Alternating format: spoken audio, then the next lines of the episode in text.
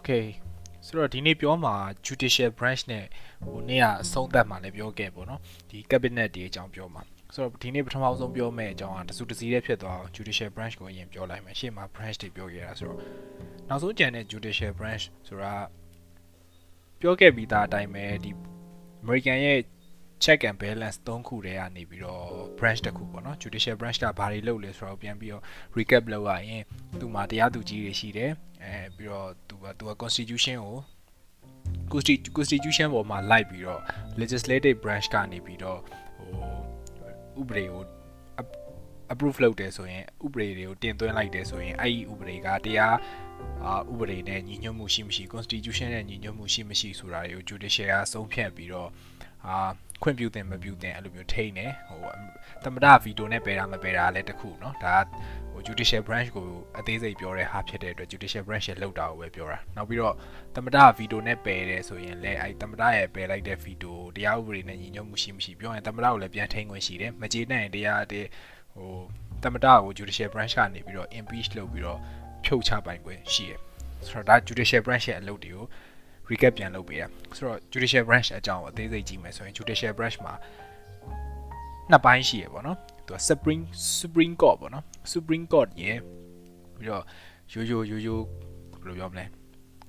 Supreme Court ရဲ့နောက်ရိုးရိုးတရားရုံးနေရပေါ့နော်ဆိုတော့အဲ့ဒါဘာနဲ့သဘောတရားချင်းဟိုစစ်ပုံစံချင်းတူလဲဆိုတော့ Federal Government နဲ့ State Government နဲ့ပုံစံချင်းတူတယ်ဆိုတော့ Supreme Court ဒီအလုပ်ကဘာတွေလဲဆိုတော့ပထမဆုံးအရင်ပြောပြမယ် အဲ့ဒါကိုမပြောခင်မှာ Federal Government တုန်းကလည်းပြောခဲ့တယ် Federal Government ကနိုင်ငံနဲ့ချီတဲ့ကိစ္စတွေကိုပဲလုပ်တယ် State နဲ့ဆိုင်တဲ့ကိစ္စတွေကို State Government လုပ်တယ်လို့ပြောခဲ့ဒီမှာလည်းအဲ့လိုပဲ Supreme Court ကနိုင်ငံနဲ့ဆိုင်တဲ့ကိစ္စတွေကိုပဲလုပ်တယ်ဆိုတော့ Supreme Court က powerful အဖြစ်ဆုံးတရားရုံးချုပ်ဗဟိုတရားရုံးချုပ်ပေါ့နော်ပြောရရင် तू ကဟိုဒီ law တွေက constitution နဲ့ဖြစ်မဖြစ်ကိုဆုံးဖြတ်ပေးရတယ်သူတာဝန်ကအဲ့တော့ရှေ့မှာပြောသွားခဲ့တဲ့ဥမာ Congress ကတင်သွင်းလိုက်တဲ့ ဥပဒေတစ်ခုက constitution နဲ့ညီမညီဆိုတာကိုဆုံးဖြတ်တယ်ဆိုတာခြုံပြီးတော့ဒါ judicial branch ကလုပ်တယ်လို့ပြောတာ judicial branch အတွင်းထဲမှာမှာ supreme court ကလုပ်တာဖြစ်တယ်အဲ့ဒီ process ကိုတရားဥပဒေနဲ့ညီမညီဆုံးဖြတ်တဲ့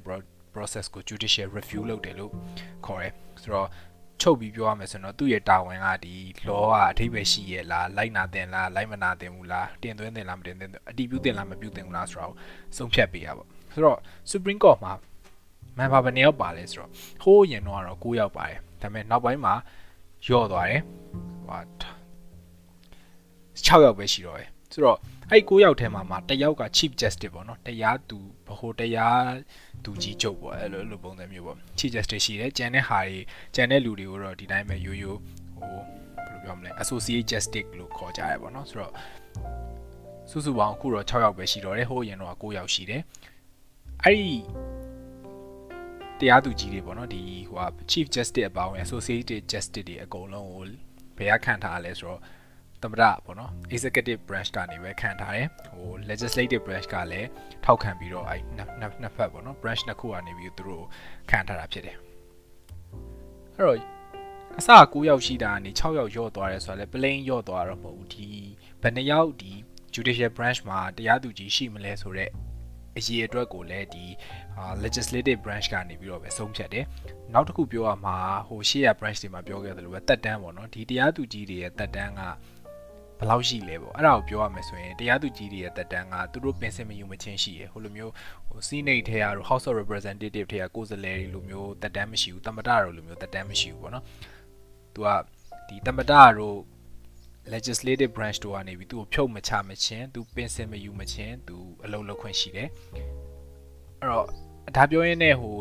executive branch တုန်းကပြောတာကြံသွားတဲ့ဟာတခုပြောဦးမယ် executive branch ရဲ့ cabinet member တွေပေါ့နော်အဲ့ဒီ cabinet member တွေကဟို cabinet အကြောင်းကတော့မပြောရသေးပါဘူးဒါပေမဲ့ cabinet member တွေရှိတယ်ဆိုတာပြောပြီးသားပြီးတော့တက်တန်းတွေလည်းရှေ့မှာပြောခဲ့ပြီးသားဆိုတော့ပြန်ဖြည့်ခြင်းတဲ့တော့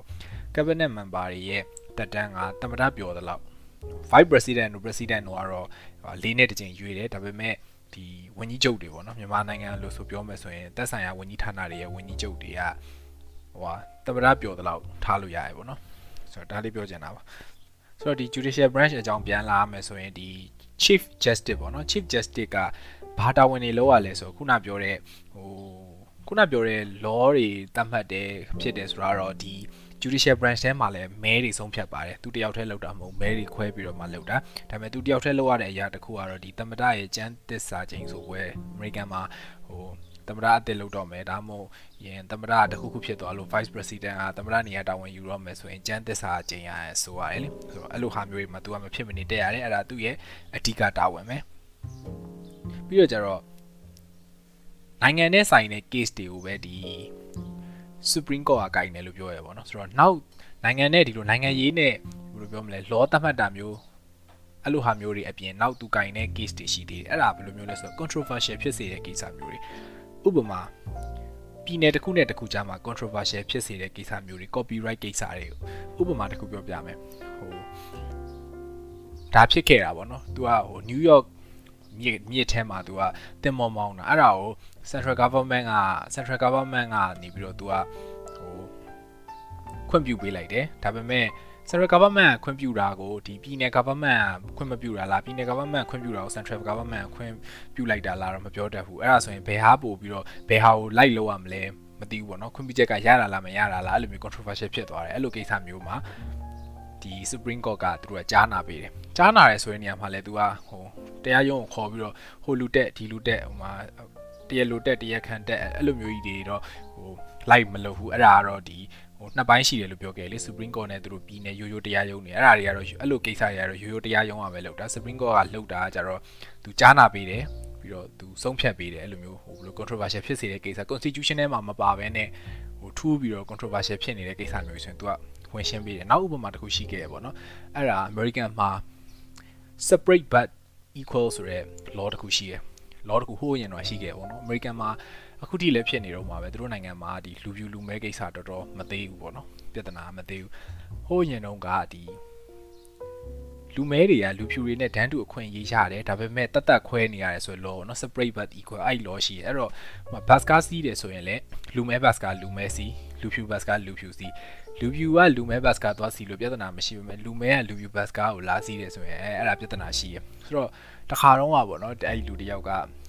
तू ကလူဖြူသွေးအများကြီးပါတယ်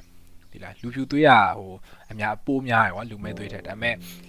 အသားရောင်ကကျတော့အမဲရောင်ဖြစ်နေတာဆိုတော့အသားမဲနေတာပေါ့နော်ဆိုတော့ အဲ့တော့ तू ကသူ့ကိုသူလူဖြူသွေးပါတယ်ဆိုပြီးတော့လူဖြူဘတ်စကားပေါ်တက်စီလိုက်တဲ့ချိန်မှာဟိုဒီဘက်ခေတ်တော့မဟုတ်ဘူးနော်ဟိုဟိုနည်းနည်းကြာခဲ့ပြီအဲ့တော့လူဖြူတွေကသူ့ကိုဘတ်စကားပေါ်ဝိုင်းဆွဲချပြီးတော့ရိုက်လိုက်တာရိုက်တော့ तू ကမကျေနပ်တော့ဒီပြည်နယ်တရားရုံးပေါ့နော်အဲ့ပြည်နယ်တော့မေ့သွားပြီအဲ့ပြည်နယ်တရားရုံးတက်တိုင်တာတက်တိုင်တော့အဲ့ပြည်နယ်တရားရုံးကဟိုချတာအမှုချတာလွယ်ပြည်နယ်တရားရုံးဆိုတဲ့သူက Supreme Court မဟုတ်တဲ့ဟာပေါ့နော် Supreme Court မဟုတ်တဲ့သူတို့ပြည်နယ်တရားရုံးကဆုံးဖြတ်တယ်ဆုံးဖြတ်တဲ့အချိန်မှာဘယ်လိုလုပ်လဲဆိုသူ့ကိုထောင်ချပလိုက်တယ်ဆိုတော့ သူကအရိုက်လဲခံရသေးရထောင်လဲကြာခံရသေးအဲ့အချိန်မှာသူကမကျေနပ်ဘူးမကျေနပ်တဲ့အတွက်သူကတခါထပ်ပြီးတော့ Supreme Court ကိုထပ်ပြီးတက်ပြီးတိုင်တယ်အဲ့တော့ Supreme Court က Supreme Court ကိုရောက်သွားတဲ့အချိန်ကျမှသူ့ကိုအပြစ်မရှိဘူးဆိုပြီးတော့သူ့ကိုဘယ်လိုပြောမလဲဟိုပြည့်ပြည့်တန်ကနေလွတ်ခွင့်ပေးလိုက်တာပေါ့ဆိုတော့အဲ့လို case မျိုးတွေထူးထူးခြားခြားဖြစ်တဲ့ case မျိုးတွေဆိုရင် Supreme Court ကကင်တယ်ဒါပေမဲ့ရှေ့မှာတစ်ခါဖြစ်ဖူးပြီးသွားပြီးဖြစ်ဖူးသွားပြီးသားဟာကိုနောက်တစ်ခါသူတို့ထပ်ပြီးကင်လေးမရှိဘူး အလားတူစင်တူပြဿနာမျိုးတွေဆိုရင်လည်း Supreme Court ကတစ်ခါဖြေရှင်းပေးလိုက်ပြီးသားဖြစ်တဲ့အလားတူတခြားပြဿနာမျိုးတွေဖြစ်လာခဲ့ပြီဆိုရင်တော့ကိုယ့်ကိုပြည်နယ်တရားရုံးကပဲရှင်းအဲ့လိုမျိုးသွားရပါတော့အဲ့တော့အချုပ်ပြန်ပြောရမယ်ဆိုတော့ Supreme Court ကဒီနိုင်ငံနဲ့ဆိုင်တဲ့ဥမာ law တွေသတ်မှတ်တာမျိုးတွေအဲ့လိုဟာမျိုးတွေလုပ်တယ် controversial ဖြစ်စေတဲ့ပြဿနာမျိုးတွေဆိုရင်သူတို့ဝင်ဖြေရှင်းတယ် law တစ်ခုကိုလည်းသူတို့ကနေ approve လုပ်လိုက်တယ်ဥမာ legislative branch ကတင်သွင်းလာတဲ့ဟာကိုသမ္မတကလည်း veto နဲ့မပယ်ချဘူးဒီ judicial ကလည်းထောက်ခံတယ်ဒါအဆင်ပြေတဲ့ constitution နဲ့ညီတယ်ဆိုရင်ဒီ judicial က judicial ရဲ့ supreme court ကနေပြီးတော့ထောက်ခံပေးလိုက်တယ်ဆိုရင်အဲ့ဒါကအကုန်လုံး apply အကုန်လုံးမှာတခြား case တွေရောအကုန်လုံးမှာ apply ဖြစ်သွား law ကလည်းတနိုင်ငံလုံးမှာ apply ဖြစ်သွားရတယ်အဲ့လိုပဲသူခုနကတော့ပြောသလိုမျိုး controversial ဖြစ်စေတဲ့ပြဿနာမျိုးတွေတခုခုသူနမူနာရှင်းပြလိုက်ပြီးပြီဆိုရင်တခြားအလားတူကိစ္စမျိုးတွေမှာဆိုရင်လည်းသူက သူနမူနာရှင်းပြလိုက်တဲ့ case ကတခြားဟာတွေမှာလည်းအလားတူ case တွေမှာလည်း apply ဖြစ်သွားတယ်ဆိုတော့ဒါက judicial branch ရဲ့အကြောင်းပေါ့နော်ဆိုတော့ဒီကအခုဒီ share နေဆက်ပြီးတော့ဟိုသူ့ရဲ့ cabinet တွေအကြောင်းဝန်ကြီးဌာနတွေအကြောင်းပြောပြမယ်ပေါ့ Okay ဆိုတော့ပထမဆုံးပြောချင်တာကဒီ cabinet တွေကဘာဖြစ်လို့ဖြစ်လာတာလဲဆိုတော့အမေရိကန်မှာအရာအလုံးကပြည်သူတွေကိုပဲကြည်တယ်ဆိုတော့သဘောကတော့ပြည်သူတွေရဲ့လိုအပ်ချက်ပြည်သူတွေရဲ့ equality နဲ့ equity ကို သူတို့ဂယူးဆိုင်ဖို့အတွက်ဒီ government တွေဖြစ်လာတာဆိုတော့ဒီ government တွေအကြောင်းမပြောခင် government ဘယ်နှမျိုးရှိတာလဲပြီးတော့ government တွေအကြောင်းအသေးစိတ်မပြောခင် equality နဲ့ equity ကိုရင်ဆုံးရှင်းပြမယ်ဆိုတော့ equality ဆိုတာတော့ရှင်းတယ်ညီတူညီမျှရှိမှုပေါ့နော်ဥပမာ equal rights ဥပမာဥပမာဆ iam ပေးတော်တဲ့ဥပမာနဲ့ပဲဥပမာပေးမယ်ပေါ့နော်သူပေးတဲ့ဥပမာရှင်းတယ်ဆိုတော့ဒီ Zoom meeting တစ်ခုမှာလူတွေဟိုအတန်းလာတက်ကြတယ် တကယ်လို့ Zoom meeting မတက်ဖြစ်လိုက်တဲ့လူအကြောင်းတစ်ခုခုကြောင့်ခွင့်ယူလိုက်ရတဲ့လူကိုသူတို့ Zoom recording ပေးထားမယ်ဒါကဒီအတန်းထဲမှာတက်သမျှလူတွေအကုန်လုံးရဲ့ equality ပဲလူတိုင်းရမှာဘယ်သူဖြစ်ဖြစ်ဒီ person A ကအတန်းမတက်လိုက်လဲသူ Zoom recording ရမှာပဲ person B ကအတန်းမတက်လိုက်လဲ Zoom recording ရမှာပဲရှိရှိသမျှလူတွေအကုန်လုံးရမယ် equality equity ဆိုတာကြပါလဲဆိုတော့ဥပမာထားပါတော့ဒီအတန်းထဲမှာတက်တဲ့ចောင်းသားတယောက်ယောက်ចောင်းသူတယောက်ယောက်ကဥပမာသူ့မှာအကြအယုံနည်းနည်းချွယွင်း လာတော့၎င်းဒါမှမဟုတ်ရင်လေတက်ရတဲ့နဲ့စာနားမလည်လိုက်တာတော့၎င်းဥပမာထားပါတော့ဒီအတန်းလက်တက်တယ် Zoom recording ကိုလည်းပြန်ကြည့်ရတဲ့နဲ့နားမလည်တာတော့၎င်းအဲ့လိုမျိုးဖြစ်ခဲ့မယ်ဆိုရင်ဆရာမကသူတသက်ခေါ်ပြီးတော့ပြန်ရှင်းပြရမယ်ပေါ့အဲ့ဒါကြတော့သူက equity လို့ခေါ်တယ်အခြေအနေအရသူ့ကိုဘယ်လိုပြောမလဲအခွင့်အရေးပေးလိုက်ရတာဆိုတော့စာသင်ခန်းနေပဲမှာဆိုတော့အဲ့လိုပဲ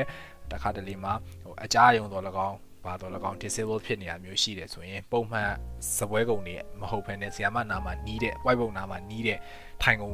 ဟိုတသက်စီစဉ်ပေးတဲ့ဟာကိုဒါ equity လို့ခေါ်ရပါတော့ဆိုတော့ဒါကအခြေအနေပေါ်မူတည်ပြီးတော့ equity ကဖြစ်တယ်ဆိုတော့အဲ့လိုဟာမျိုးတွေကိုဖြည့်ဆည်းပေးဖို့အတွက်ပြည်သူတွေရဲ့လိုအပ်ချက်တွေကိုဖြည့်ဆည်းပေးဖို့အတွက်ဒီ cabinet တွေဖြစ်ပေါ်လာတာပေါ့ဆိုတော့ဒီနေ့ topic ကနည်းနည်းပြောရမှာတော့များတယ်အဲ့ဒီ department အနေအကြောင်းမပြောခင်မှာပထမဆုံး intro ဝင်ရမယ့်ဟာတွေအများကြီးရှိသေးတယ်ပေါ့နော် အဲ့ဒါဘာလဲဆိုတော့သူတို့ department တွေကိုဘယ်လိုဖွဲ့စည်းထားလဲဘယ်တော့ဖွဲ့စည်းထားလဲပြီးတော့ department တွေရဲ့ဒီဝန်ကြီးချုပ်တွေကတခြားဒီသူတို့သက်ဆိုင်ရာ fees မှာဟိုဘယ်လိုပြောမလဲသက်ဆိုင်ရာ fees ဒီနဲ့ပတ်သက်တဲ့ဟာတွေကိုလောက်ရတာအပြင်ဘာတွေလောက်ရသေးလဲဆိုတော့အကြောင်းကိုပြောမယ်ပေါ့နော်ဆိုတော့ဒီချိန်မှာရှေ့မှာလည်းပြောခဲ့တယ် president ကတကယ်လို့အကြောင်းတစ်ခုခုကြောင့်တစ်ခုခုဖြစ်ရင် vice president တာဝန်ယူရတယ်လို့ပြောရဲဆိုတော့ vice president ရော president ရောတခုခုဖြစ်မသွားနိုင်ဘူးလားပေါ့ ဆိုတော့အဲ့လိုအခြေအနေမျိုးလည်းရှိမှာပဲအဲ့လိုအခြေအနေမျိုးမှာဆိုရင်သူကဘာတာဝန်ယူလဲဆိုတော့ဒီ speaker of the house ကတာဝန်ယူတယ်ကျွန်တော်ရှေ့ episode မှာပြောခဲ့တယ်ဆရာမအသေးသေးချာချာရှင်းပြမသွားဘူးပေါ့နော်ဟိုဒီ speaker of the house က number 3နေရာမှာနေရာယူတယ်လို့ပြောတာလေအဲကျွန်တော်ထင်ထင်တဲ့ဟာစာကြောင်းကိုကြည့်ပြီးထင်တယ်လို့ပြောလိုက်တာဒါပေမဲ့အဲ့ဒါမှန်တယ်ပေါ့နော်အရေးပါမှုအရေးပါမှုကသူကအဲ့လိုစင်ထားဆိုတော့အရေးပါတာကတော့ဘယ်လိုပါလဲဆိုတော့အခုပြောပြမယ်ဆိုတော့အဲ့လိုပြော သမရတခုဖြစ်သွားရဲ့ vice president တာဝန်ယူမယ် vice president ကတခုခုဖြစ်သွားရဲဆိုရင်အဲ့ဒီ speaker of the house ကတာဝန်ယူမယ် speaker of the house တခုခုဖြစ်ရင်သူ့အောက်မှာတယောက်ရှိသေးတယ်အဲ့ဒီတယောက်ကတာဝန်ယူမယ်ဆိုတော့တကယ်လို့ထားပါတော့သူတို့တွေအကုန်လုံးအစည်းအဝေးတက်ကြတယ်ထားပါတော့တကယ်ထိပ်ပိုင်းစည်းဝေးတက်တယ်မတော်တဆအဲ့ကိုဘုံကျသွားတယ်အကုန်လုံးကြွသွားပြီဆိုရင်ဘာလုပ်မလဲဆိုတော့ဘယ်သူဆက်တာဝင်ယူမလဲဆိုတဲ့ပြဿနာရှိနေပြီရှိနေဆို US မှာအဲ့ဒါဘယ်လိုလုပ်လဲဆိုတော့သူတို့တွေထိပ်ပိုင်းစည်းဝေးလုပ်လို့ အကုန်လုံးတက်ရတယ်ဆိုတောင်မှသူတို့ရွေးလိုက်ပြီးတော့တယောက်ကိုတော့ဒီတက်ဆိုင်ရာနယ်ပယ်ကပေါ့နော်တက်ဆိုင်ရာ ministry ကတယောက်ကိုတော့သူတို့ကအစည်းအဝေးမတက်ခိုင်းမဲနဲ့ unknown place ပေါ့နော်ပေါ်ပြမထားတဲ့သူတို့လွှဲ့ဝက်နေရမှာသူ့ကိုတည်တည်ချာချာကိုလုံုံရေးနဲ့ထားတာတကယ်လို့အဲ့အပေါ်ကထိပ်ပိုင်းကလူတွေအကုန်လုံးမတော်တဆတစ်ခုခုဖြစ်သွားခဲ့တယ်ဆိုရင်အဲ့လူကဒီ minister ဝန်ကြီးချုပ်ကဝန်ကြီးချုပ်ဘယ်ဝန်ကြီးချုပ်လို့တော့တရက်တည်းမရှိဘူးအဲ့ဝန်ကြီးချုပ်ကဝင်ပြီးတော့ထိမ့်ပြီးတော့နိုင်ငံကိုဆက်ပြီးတော့တာဝန်ယူသွားမှာ ဆိုတော့ဒီနေရာမှာလည်းအဲ့လိုမျိုးတာဝန်ယူတဲ့ဟာတွေကိုသူတို့အခြေအနေရလောက်တာပင်မဲ့တာဝန်ယူတဲ့ဟိုတာဝန်ယူလို့ရတဲ့တမရနေရာကိုဝင်ပြီးတာဝန်ယူလို့ရတဲ့ဟာကို order စီမယ်ဆိုရင်စီလို့ရတယ်အဲ့ဒါဘယ်ဟာလိုက်စီထားလဲဆိုတီထောင်ခဲ့တဲ့ခုနှစ်လိုက်တီထောင်ခဲ့တဲ့ခုနှစ်စောလေလေသူကအာနာကြီးလေလေဟိုယူအာနာကြီးလေလေမဟုတ် sorry ဘယ်လိုပြောမလဲသမရနေရာကို ဝင်ယူရမယ် but list ရဲ့ထိတ်ဆုံးမှာပထမဦးစားပေးဖြစ်လေလေပေါ့ဆိုတော့သမရ vice president speaker of the house ပြီးရင်နောက်တစ်ယောက်ရှိမယ်ပြီးပြီဆိုရင်ဝန်ကြီးအဲ့အောက်ကဟာတွေက list အတိုင်းတီထောင်ခဲ့တဲ့ခုနှစ်ရဲ့ list တိုင်းအဲ့ဝန်ကြီးချုပ်တွေကတာဝန်ယူရတယ်ဆိုတော့ပထမဆုံးအစောဆုံးကတော့ဒီ department of stage ပေါ့နော် development of stage ကတီထောင်တာအစောဆုံးအဲ့ဒီအတွက်တခုခုဖြစ်မယ်ဆိုရင်အပေါ်ပိုင်းကလူတွေတခုဖြစ်သွားမယ်ဆိုရင် development stage ကပထမဦးစားပေးအနေနဲ့သူသမ္မတနေရာကိုဝင်ပြီးတာဝန်ယူရမယ်ပြီးရင်အကုန်လုံးကိုတော့ရွတ်မပြတော့ဘူးအဲ့ဒါ PowerPoint presentation ထဲမှာရှိတယ်စာအုပ်ထဲမှာလည်းပါလိမ့်မယ်ဆိုတော့အကုန်လုံးဘယ်ဟာတွေကဘယ်ခုနှစ်ဒီမှာတည်ထောင်ခဲ့တယ် list အစင်လိုက်အတိုင်းဒီရှိရှိသမျှဟာတွေလိုက်ရွတ်မနေတော့ဆိုအဲ့လိုမျိုးဟိုခုနှစ်အလိုက်ဆင်ထားတယ်လို့ဆိုတာကိုခုနှစ်အလိုက်ဆင်ထားတယ်ခုနှစ်အလိုက် responsibility တမရနေရာကိုဝင်ယူရမယ်ဦးစားပေး responsibility ရှိတယ်ဆိုတာသိရင်ရပြီဒီနေရာမှာတခုပဲချွင်းချက်အနေနဲ့မှန်မယ် DOD defense of အာ sorry Department of Defense ပေါ့နော်ဒီစစ်တပ်ကတော့သူကခုနှစ်နဲ့ စင်ထားတာမဟုတ်ဘဲနဲ့အလဲမှာသူကဖောက်ပြီးပါနေတာသူကထိတ်ဆုံးမှာတော့မဟုတ်ဘူးဒါပေမဲ့ဟိုသူကခုနှစ်အလိုက်အဲ့ဒီ list ကိုရနေရမဟုတ်ဘဲနဲ့သူကတော့ချွင်းချက်အနေနဲ့အဲ့ဒီနေရာကိုရောက်နေတာပေါ့နော်ခုပထမဆုံးစပြောမှာတော့ Department of Treasury ပေါ့နော်ဆိုတော့ဒီနေရာမှာတော်တော်လေးခုဘာမှ cabinet အကြောင်းမပြောရသေးဘဲနဲ့ကိုပဲအခုဘယ်နှမိနစ်လဲ15မိနစ်ရှိနေဆိုမြန်မြန်ပဲပြောလိုက်မယ်ဟို first လေးလောက်ပဲပြောလိုက်မယ် Department of Treasury ကတော့သူ နာမည်အတိုင်းပဲဒီအခွန်အတုံးနဲ့ဆိုင်တဲ့ကိစ္စမျိုးတွေလုပ်တာပေါ့နော်ဆိုတော့ဒီပြည်နယ်တွေမှာအခွန်ကောက်တဲ့ကိစ္စတွေပြီးတော့ဒီသူတို့ရဲ့သွင်းကုန်ထုတ်ကုန်တွေနိုင်ငံခြားနဲ့ဒီ trade လုပ်တဲ့ဟာတွေမှာအခွန်နဲ့ပတ်သက်တဲ့ဟာတွေလုပ်တယ်နောက်ပြီးတော့ငွေတုပေါ့နော်ငွေတုထွက်တယ်ငွေကြေးဖောင်းပါတာနဲ့မဆိုင်ဘူးနော်ငွေတုထွက်လာတဲ့ဟာမျိုးတွေပေါ့နော်အဲ့လိုဟာမျိုးတွေကိုကာကွယ်တဲ့ဟာမျိုးတွေမှာလုပ်တယ်ပြီးတော့သူကနည်းနည်းဥပဒေနဲ့သူကသွားသက်ဆိုင်တာတခုကဒီအခွန်တချို့ပြည်နယ်တွေ Federal Government နဲ့ဟို State Government အတွက်ဟို HQ base တဲ့ဟိုရှေ့မှာပြောခဲ့ elastic clause အရာဥမာအခွန်တုတ် short ပေါ်ပေးတာမျိုးတွေ elastic clause အရာအချိန်ကြီးရပြောင်းလဲတဲ့ဟာမျိုးတွေကိုလည်းဒီ Department of Treasury ကလုပ်တယ်နောက်တစ်ခုရှိသေးတယ်သူကဘာလဲဆိုတော့ဒီဒီထိပ်ပိုင်း cabinet member တွေပေါ့နော်ဒီအထူးသဖြင့် president တို့ vice president တို့ရဲ့ဒီကိုရေးအချက်ဘယ်လိုပြောမလဲအရေးကြီးတဲ့အာ confidential ဖြစ်တဲ့အချက်လက်တွေကိုလည်းသူတို့ကထိမ့်သိမ့်ပေးထားရပေါ့နော်ဆိုတော့အဲ့ဒါကို Department of Treasury ကလုပ်ပါတယ် ခုပြောမှာတော့ DOD ပေါ့နော် Department of Defense သူကညီမလိုပြောမယ်ဆိုရင်တော့စစ်တပ်ပေါ့စစ်တပ် American မှာတော့အဲ့လောက်မယိုရှင်ဘူးသူကအထဲမှာအများကြီးရှိတယ်သူတာဝန်နေနဲ့သူမှာဟို Navy တို့ Marine တို့ပြီးတော့သူကသူဟိုဒီ ရိုးရိုးစစ်တပ်တို့အဲ့လိုဟာမျိုးတွေလည်းအများကြီးရှိတယ်သူတို့အလုပ်ကတော့ရှင်တယ်စစ်တပ်ဆိုတဲ့အတိုင်းပဲဥပမာသူများနိုင်ငံနဲ့စစ်တိုင်းမဲ့ဟာမျိုးတွေဆိုရင်သူတို့တိုက်တယ်နိုင်ငံတော်ကာကွယ်ရေးနဲ့ဆိုင်တဲ့ဟာမှန်တယ်များသူတို့လုပ်တယ်ဒါပေမဲ့ထူးခြားတာတခုကနောက်ပိုင်းပေါ့နော်ဟိုစထောင်ခဲ့တဲ့ကာလတုန်းကတော့အဲ့လောက်မဟုတ်ပေမဲ့အခုဒီဘက်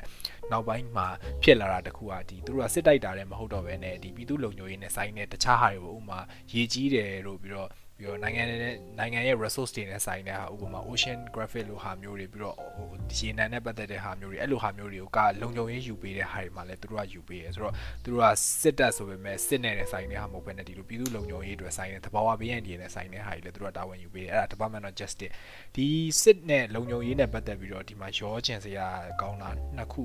ရှိတယ်သုံးခုလို့လည်းပြောလို့ရတယ်အဲ့ဒါကိုဒီအခုရှေ့ဆက်ပြောမှာပေါ့နော်ဆိုတော့ပေါ့နော် Department of Justice ကိုမပြောခင်မှာ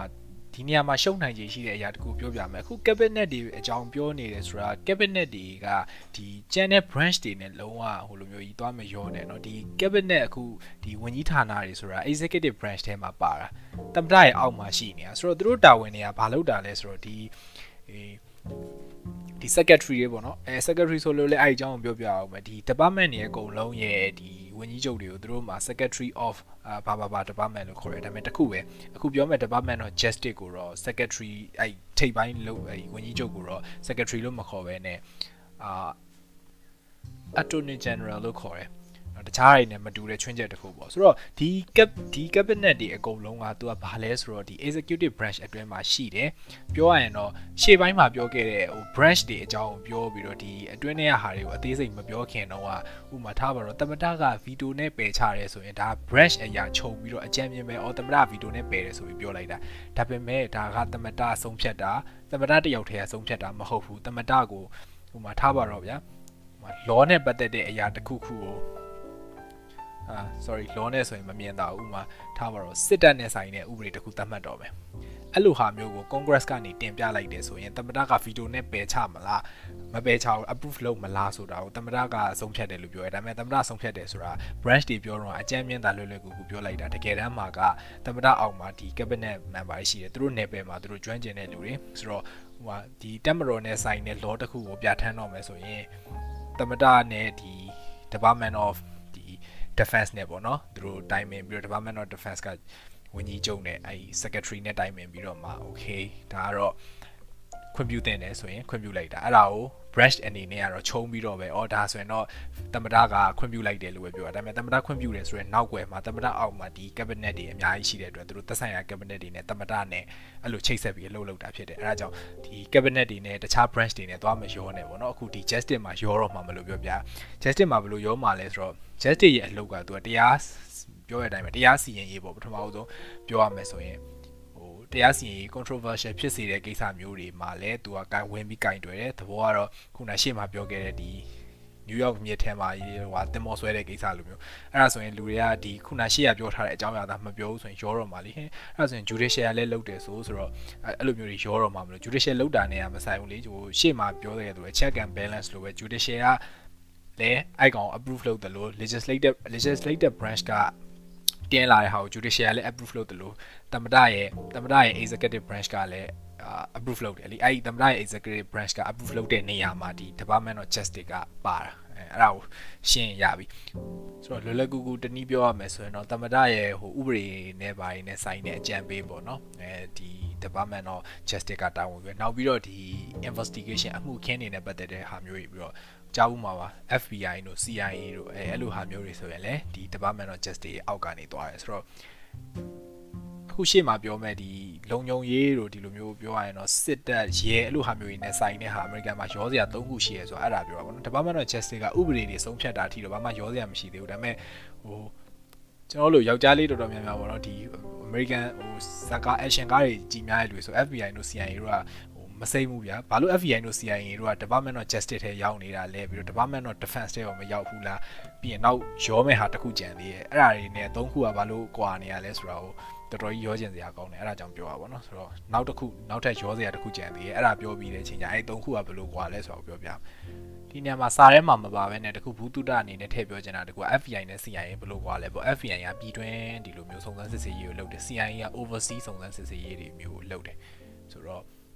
ဘူးတုဒအနေနဲ့ပြောပြရမယ်ဆိုရင်ဒီဘင်ဘင်လာဒင်ကိုဒီလောက်ကြံတော့ဆိုရင်ဒီ CIA ရဲ့ သူတို့ဒီအကြမ်းဖက်နှိမ်နှင်းရေးတွေပေါ့နော်အကြမ်းဖက်နှိမ်နှင်းရေးတွေနဲ့ CIA နဲ့ပေါင်းပြီးတော့လှုပ်သွားတာဆိုတော့အဲ့ဒါဘူးတုဒအနေနဲ့ပြောပြခုပြောမဲ့ဟာနောက်ထပ်ရောစရာတစ်ခုလို့ပြောရပါတော့အဲ့ဒါဘာလဲဆိုတော့ Department of Homeland Security Homeland Security ကကြတော့လွယ်လွယ်ကူကူပြောရမယ်မြန်မြန်ဆန်ဆန်ပြောရမယ်ဆိုရင်တော့သူက terrorist attack တွေကိုကာကွယ်ဖို့ပြောရရင်နောက်ဆုံးမှဖွဲ့တဲ့ဒီ department တခု2003မှာစပြီးဖွဲ့တာဒီ911ပေါ့နော်911 ဖြစ် terrorist attack ဒီ World Trade Center attack လုပ်ခံရတာနဲ့ပတ်သက်ပြီးတော့အဲ့နောက်မှာမှဖြစ်ပေါ်လာတဲ့ department သူကဒီမှာရောစရာရှိတယ်လို့ဘာလို့ပြောလဲဆိုတော့ဒါနိုင်ငံတော်ကာကွယ်တာပဲ defense of department of defense တဲ့မပါဘူးလားဆိုတော့သူကမပါဘူးပေါ့နော်ဟိုပေါင်းလိုက်လို့ရပါမယ်သူကခွဲထုတ်ထားတယ်ဘာလို့လဲဆိုတော့ဒီ homeland security ရဲ့မှာတခြားမဆိုင်တဲ့ immigration လို့ဘာလို့ပါပါတယ် ဘာလို့ immigration လို့ဘာလဲပါလဲဆိုတော့ဒီ terrorist attack ဆိုတာဒီနိုင်ငံကို attack လုပ်တော့မယ်ဆိုရင်ဒီနိုင်ငံထဲကိုသူတနည်းနည်းတော့ဝင်လာမှာပဲဒါ immigration နဲ့ဆိုင်သွားပြီဆိုတော့ဒီလိုမျိုး immigration နေပြီးတော့ transportation service တွေပေါ့ security ပေါ့နော် transportation security administration တွေအဲ့လိုဟာမျိုးတွေပါဒီ homeland security အောက်ထဲမှာသူက ဝင်သွားတာဒီ terrorist attack ဖြစ်မလာအောင်ကာကွယ်ရမယ့်ဟာမှန်သမျှဒီ homeland security ထဲမှာဝင်သွားတာဒီ immigration တွေရောအစုံအဲ့မှာဝန်ထမ်းတွေကလည်းအများကြီး branch တွေကလည်းအများကြီးပဲများသောအားဖြင့်တော့ဒီ secret service ဟိုဒီလုံခြုံရေးနဲ့ဆိုင်တဲ့လူတွေတော့များတာပေါ့နော် secret service တွေလည်းအများကြီးပဲဆိုတော့ဒီသုံးခုကရောတတ်လို့က justice justice ကအမှန်ရောစရာမရှိဘူးဒီ FBI ပါသွားတာမှနည်းနည်းရောရင်ရောကျင်တယ်လို့ဖြစ်နိုင်တယ်ပေါ့နော်ဒါပါပဲနောက်တစ်ခုပြောမှာတော့ Department of Veterans Affairs ပေါ့အဲ့ဒါတော့ဗာလဲဆိုစစ်မှုထမ်းဟောင်းတွေကို support လုပ်တဲ့ organization ပဲအော် department ပဲလွယ်လွယ်ကူပြောရမယ်ဆိုရင်သူကစစ်မှုထမ်းပြီးတော့ပြန်လာတဲ့လူတွေကိုသူတို့ကအများကြီးလုပ်ပေးတယ်ပေါ့နော်ဥပမာထားပါတော့စစ်မှုထမ်းပြီးတော့ပြန်လာတယ်ဆိုရင်စစ်မှုထမ်းတာတော့၎င်းဒါမှမဟုတ်ရင်သူကသူငကိုကလေးစစ်သားဖြစ်ပြီးတော့အငိမ့်စားယူတာတော့၎င်းအဲ့လိုမျိုးဆိုရင်သူတို့ကဟိုစစ်ကနေပြန်လာလာခြင်း physically or mentally ပြန်တည်ဆောက်ဖို့အတွက်သူတစ်နှစ်အချိန်ပေးတယ်အဲ့ဒီတစ်နှစ်ကိုဘာမှအလုပ်အလုပ်မလုပ်ဖ ೇನೆ ပုံမှန်လစာပေးထားတယ်နောက်ဟိုသူတို့အိမ်ဝဲခြင်းနဲ့ဆိုရင်သူတို့ဟိုဘယ်လိုပြောမလဲအတိုးကိုမပေးရတလောက်ဖြစ်တဲ့အတိုးနှုံးနဲ့ဟိုဒီစစ်မှုထမ်းတွေကိုစစ်မှုထမ်းဟောင်းတွေကိုသူတို့ကဟိုချီးငွေတွေထုတ်ချီးပေးတယ်ပေးတယ်နောက်တစ်ခုကကျန်းမာရေးပြီးတော့သူတို့ရဲ့လိုအပ်ချက် needs မှန်သမျှနောက်ပြီးတော့သူတို့မိသားစုဝင်ပေါ့နော်သားသမီးတွေရဲ့ပညာရေးတွေကစလို့သူတို့ကအကုန်ထောက်ပံ့ပေးတယ်ဒီ American မှာဟို budget အများဆုံးသုံးတာဆိုရင်လည်းဒီ Veteran Affairs လို့ကိုပြောလို့ရတယ်ပေါ့နော်ဆိုတော့ပြီးတော့နောက်မတော်တဆစစ်မှုထမ်းနဲ့တည်သွားခဲ့တယ်ဆိုရင်လည်းသူက National Cemetery လုပ်ပေးတယ်ဆိုတော့အဲ့ဒါမျိုးတွေ Veteran Affairs ကလုပ်တယ်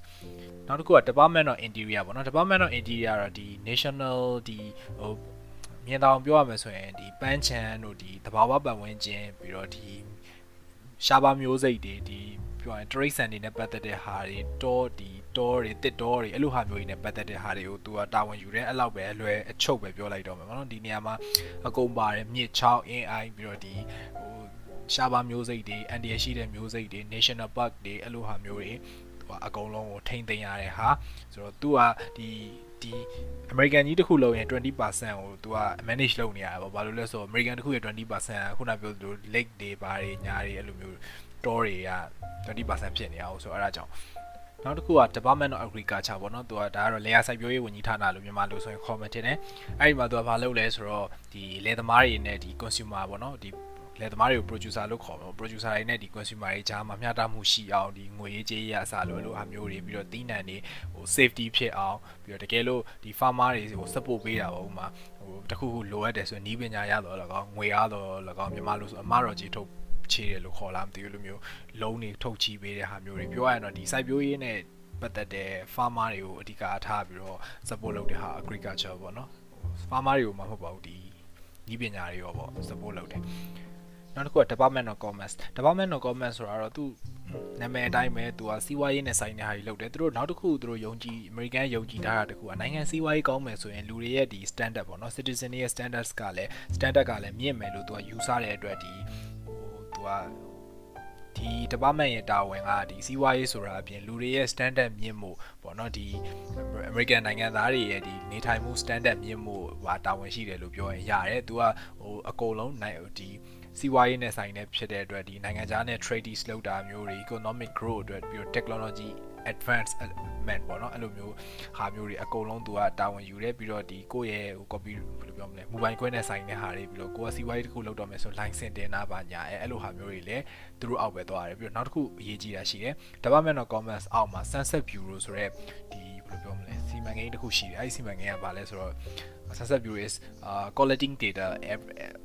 for everything ပေါ့နော်ဒီ data မှန်သမျှကိုကောက်တယ်ဥပမာလူဦးရေ data တို့ဘာလို့ဆိုရင်အကုန်လုံးက census bureau ကနေပြီးတော့ကျွန်တော်တို့ရောပေါ့နော်တခြားနိုင်ငံကနေတောင်အားကိုပြီးတော့သွားယူရတယ်ပေါ့နော်ဆိုတော့အဲ့လိုဟာမျိုးက Department of Commerce အောက်မှာရှိတာနောက်တစ်ခုက Department of Labor ပေါ့ဆိုတော့အလုပ်သမားရေးရာဝန်ကြီးဌာနလို့ပြောလို့ရမယ်ထင်တယ် Department of Labor ကသူကဘာလုပ်လဲဆိုတော့ဒီအလုပ်သမားတွေရဲ့ဒီ rights ကိုကာကွယ်ပေးတာပေါ့အဓိကကတော့ရှင်းရှင်းဟိုလွယ်လွယ်ကူကူပြောရင်တော့အဲ့ဒါပါပဲအဲ့ဒီလုံသမားတွေရဲ့ rights ဆိုတဲ့နေရာမှာဒီ job training ပေးတာတွေရှိမယ်ပြီးတော့ဟို minimum လစာဘယ်လောက်ပေးရမယ်ဆိုတဲ့ဟာတွေပြီးတော့ပြောရရင်များသောအားဖြင့်ဟာဒီအလုပ်ရှင်တဲ့လုံသမားဆိုရင်လုံသမားဥယျာဉ်ပိုများတဲ့အတွက်ဒီအလုပ်သမားတွေကိုကာကွယ်ပေးတဲ့သဘောပေါ့နော် insurance တွေပြီးတော့အဲလိုဟာမျိုးပြီးတော့ health နဲ့ပတ်သက်တဲ့အလုပ်သမားတွေရဲ့ကျန်းမာရေးနဲ့ပတ်သက်တဲ့ဟာဥပမာတခုလုပ်ငန်းခွင်မှာအလုပ်သမားတယောက်ကတခုမတော်တဆတခုခုဖြစ်သွားတယ်ဆိုရင်ဒီ Department of Labor နေပြီးတော့သူ့ဆေးကုပေးတာမျိုးပါမျိုးလို့ဟာမျိုးတွေကိုအဲဒီ Department of Labor လောက်တာပါ Health and Human Service အခုပြောမှာ Health and Human Service ကမြန်မာနိုင်ငံမှာလို့ဆိုရင်ကျန်းမာရေးဝန်ကြီးဌာနဒါပေမဲ့ Human Service ဆိုပြီးတော့သူတို့မှာအပူပါတာအလကားပါတာမဟုတ်မြန်မာနိုင်ငံလိုမျိုးကျန်းမာရေးဒီစေယုံတွေပါညာအဲ့လိုဟာမျိုးတွေအပြင်ပြီးတော့သူကဟို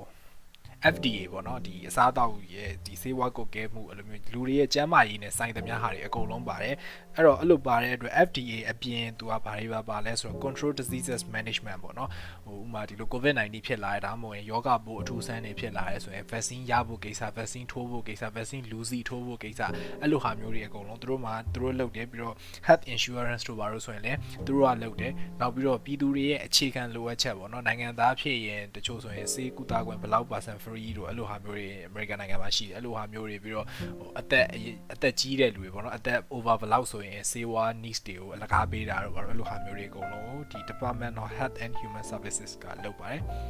နောက်တစ်ခုက Department of Housing and Urban Development ပေါ့သူကကြပါလောက်လာလဲဆိုပြည်သူလူထုရဲ့အိုးအိမ်နဲ့ဆိုင်တဲ့ဟာတွေလောက်တာပြောရရင်တော့ပြည်သူတွေလူတိုင်းစီမိသားစုတိုင်းအိမ်ပိုင်ဆိုင်ရေးတို့ဘာလို့အဲ့လိုမျိုးပေါ့နော်ပြီးတော့သူကလုံးတွေထုတ်ချီးပေးတယ်နောက်တစ်ခုကတန်ဖိုးနဲ့အိမ်ယာတွေစောက်ပေးတယ်ပြီးတော့အဲ့လိုဟာမျိုးတွေပေါ့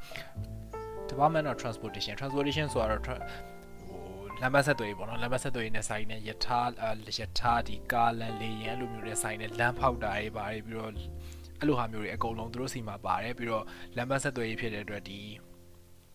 gas pipeline နဲ့ဆိုင်တဲ့ဟာမျိုးတွေပေါ့နော် gas pipeline တွယ်တဲ့ဟာမျိုးတွေနဲ့ပတ်သက်တာမျိုးတွေလည်းသူတို့ရဲ့အောက်ကနေပဲသွားတယ်နောက်တစ်ခုကသူတို့ကလမ်းမဆက်သွယ်ရေးစောက်တာလည်းမဟုတ်ဘူးပေါ့နော်ဒီ transportation နဲ့ဆိုင်သမျှဖြစ်တဲ့အတွက်ဒီကားတွေကနေထွက်လာမဲ့သဘာဝဓာတ်ငွေ့ဆိုးတွေပေါ့နော်ဘေးထွက်ဆိုးကြိုးတွေအဲ့လိုဟာမျိုးတွေဆိုရင်လည်းဒီ transportation ကပဲချုပ်ချုပ်ကကြိုက်တယ်ပေါ့နော်ဆိုတော့ဒီ CO2 တွေအရင်မများဖို့လို့ပါတော့အဲ့လိုမျိုးစီမင်းစီကနေတတ်မှတ်တာ transportation ကသွားတယ်ပြီးတော့ transportation ကသူကဟိုနီးပညာပေါ့နော်ဒီ transportation နဲ့ပတ်သက်လို့ပိုးကောင်းလာမဲ့နီးပညာတွေဟိုဘယ်လိုပြောမလဲဟို advance လုပ်တဲ့နေရာမှာလဲ transportation နဲ့မှာဆိုင်ရင်သူတို့ကပဲလုပ်တယ်ပြောရရင်တော့ transportation နဲ့ဆိုင်ဆိုင်သမျှဟာအကုန်လုံးသူတို့ပဲပေါ့နော်အဲ့လိုမျိုး Department of Energy Department of Energy ကတော့ရှင်းပါတယ်ဒီလျှက်စစ်မီနဲ့ပတ်သက်တဲ့ဟာမျိုးတွေပေါ့နော်ဒီစွမ်းရည်နဲ့ပတ်သက်တဲ့ဟာမျိုးတွေစွမ်းရည်နဲ့ပတ်သက်တဲ့ဟာမျိုးတွေမှာသူတို့ကဟို nuclear စွမ်းရည်နေပါတယ်လေ Department of Energy အောက်ကပဲသွားတယ်ခုန transportation လိုပဲဒီစွမ်းရည်ရရှိဖို့အတွက်ပိုပြီး advance ဖြစ်တဲ့နည်းပညာတွေကိုဟို research လုပ်တဲ့နေရာမှာလည်း Department of Energy အောက်ကပဲသွားတယ်ပြောရရင်တော့ဟို research လုပ်လို့ technology ဖြစ်လို့ဒီ energy နဲ့မဆိုင်ဘူးဆိုတာမျိုးမရှိဘူး energy နဲ့ပတ်သက်တဲ့ advanced technology ကို research လုပ်တာမျိုးတွေလည်းဒီ energy အောက်ကပဲသွားတယ် Department of Education Department of Education ကတော့ထွေထူးသိပ်ပြောစရာမရှိဘူးပညာရေးဝန်ကြီးဌာနဆိုတော့ပညာရေးနဲ့ဆိုင်တဲ့ဟာတွေအကုန်လုံးသူတို့လုပ်တယ်သူတို့နိုင်ငံရဲ့ပညာရေးအဆင့်မြင့်တင်မှုလိုအပ်တဲ့ဟာတွေအကုန်လုံးပြီးတော့ကျောင်းသူကျောင်းသားတွေရဲ့ဒီလိုအပ်ချက်တွေပေါ့နော်ဒီကျောင်းသူကျောင်းသားတွေကကျောင်းတက်ဖို့အတွက်လုံးနေလိုရဲဆိုလဲလုံးနေထုတ်ချီးပေးတယ်သူတို့နိုင်ငံမှာကျောင်းသူကျောင်းသားတော်တော်များများအကျွေးမကင်းဘူးပေါ့နော်ဘယ်လိုလဲဆိုတော့သူတို့ကျောင်းအထက်တန်းပြီးအောင်မဲ့တက်မှာလားတက်ကတူ ပြီးအောင်ဒီတက်မှာ bachelor ရအောင်တက်မှာလား master အထိတက်ချင်တာလား PhD တက်ချင်တာလား PhD ပြီးရင်ရောအလုပ်ခွင်ဝင်ပြီးတော့အကျိုးပြုတော့မှာလားဒါမှမဟုတ်ရင်ဟိုဘာ research တွေထပ်လုပ်ချင်သေးရလဲဆိုတော့မူတည်ပြီးတော့အစိုးရကိုချင်းငွေလျှောက်လို့ရတယ်အဲ့ကြသူတို့ချင်းငွေလျှောက်ချပေးတယ်ကိုအလုတ်ထဲကိုရောက်ပြီဆိုမှအဲ့ဒါကိုပြန်ဆက်ပေါ့နော်ဆိုတော့အဲ့လိုဟာမျိုးတွေပြောရရင်ဒီနိုင်ငံရဲ့ပညာရေးအဆင့်အတန်းနဲ့ပတ်သက်တဲ့ဟာတွေအကုန်လုံးသူတို့အောက်ကသွားတယ် Department of State Department of State ကတော့ကျွန်တော်ရှေ့မှာလည်းပြောခဲ့တယ်ပေါ့နော်ဒီအပေါ်ကသမ္မတ Vice President Speaker of the House ပြီးတော့သူ့အောက်ကတယောက်၄ယောက်တစ်ခုခုဖြစ်ခဲ့တယ်ဆိုရင်အောက်ကဟိုဒီဝန်ကြီးဌာနရဲ့ရဲ့ Secretary တွေကဝင်ပြီးတာဝန်ယူရမယ်လို့ပြောတယ်အဲ့ဒီတာဝန်ယူတဲ့ဟာကိုသူ list အရာစီးတယ်ဆိုရင် Department of State ကသူကထိတ်ဆုံးရပဲသူကပထမဦးစားပေးတာဝန်ယူရမယ်ဟာပေါ့ဆိုတော့သူကသမ္မတနဲ့နီးစပ်ဆုံးပဲပြီးတော့သူကဒီ cabinet ထဲမှာဆိုရင်လည်းတမတရဲ့ top advisor ပေါ့နော်ဒီ foreign policy နဲ့ပတ်သက်လို့နိုင်ငံခြားလို့ရေးရာ policy နဲ့ပတ်သက်လို့သူကဟိုအဓိကထိတ်တန်းအကြံပေးနောက်တစ်ခုကသူကဒီ diplomatic relationships with other uh, countries and work to develop the implement the foreign policies of the president ပေါ့နိုင်ငံခြားနဲ့ပတ်သက်တဲ့ diplomatic relations တွေပြီးတော့ဒီ အာနိုင်ငံခြား policy တွေနဲ့ပတ်သက်တဲ့ဟိုတိုးတက်ဖို့အဲ့လိုဟာမျိုး implement လုပ်ဖို့အဲ့လိုဟာမျိုးတွေဆိုရင်သူက Department of State ကလုပ်တယ်ပြောရရင်တော့ဗျာဒီသူသူရေးထားတဲ့အတိုင်းဆိုရင် this agency and its representative reflect the United States as the part of the worldwide community ပေါ့ဒီ United States ကိုနိုင်ငံတကာ community မှာဟိုဘယ်လိုပြောမလဲဒီ state က Unite ဟိုပြောရရင်တော့ဒီ department ကနိုင်ငံတကာမှာ United States ရဲ့ကိုယ်စားလှယ်ဆိုတဲ့သဘောမျိုးပေါ့နော် ဒါဆိုရင်တော့ total department 15ခုပြီးသွားပါပြီ department 15ခုရဲ့သူတို့လှုပ်တဲ့အသေးစိတ်အကြောင်းတွေရဲ့ပြီးတော့ဒီသမတတကယ်လို့တာဝန်မထမ်းဆောင်နိုင်မှုဆိုရင်ဘယ်လိုသူတို့မှာ duty တွေရှိတယ်ဆိုတော့ list ဒီလည်းအကြောင်းတွေလည်းပြောခဲ့တယ်ပြီးတော့ရှေ့မှာ judicial branch အကြောင်းကိုလည်းအသေးစိတ်ပြောခဲ့ဆိုတော့ဒီနေ့ podcast ကတော်တော်ကိုရှည်သွားပြီ32မိနစ်ဆိုတော့တော်တော်ကြီးကိုများရပါတော့ဆိုတော့ဒါပေမဲ့အာပြောရမယ်အကြောင်းအရာတစုတစည်းတည်းဖြစ်သွားရင်တခါကြီးဒါကြီးကိုနောက်တစ်ခု episode တစ်ခုထပ်ခွဲနေနှစ်ပိုင်းပြန်နေမှာဆိုလို့အကြောင်းအရာတစ်ခုအတူတူတယ်ဟိုဒါကြောင့်တစ်ဆက်ထည့်ပြောလိုက်တာပါဆိုတော့ကျေးဇူးတင်ပါတယ်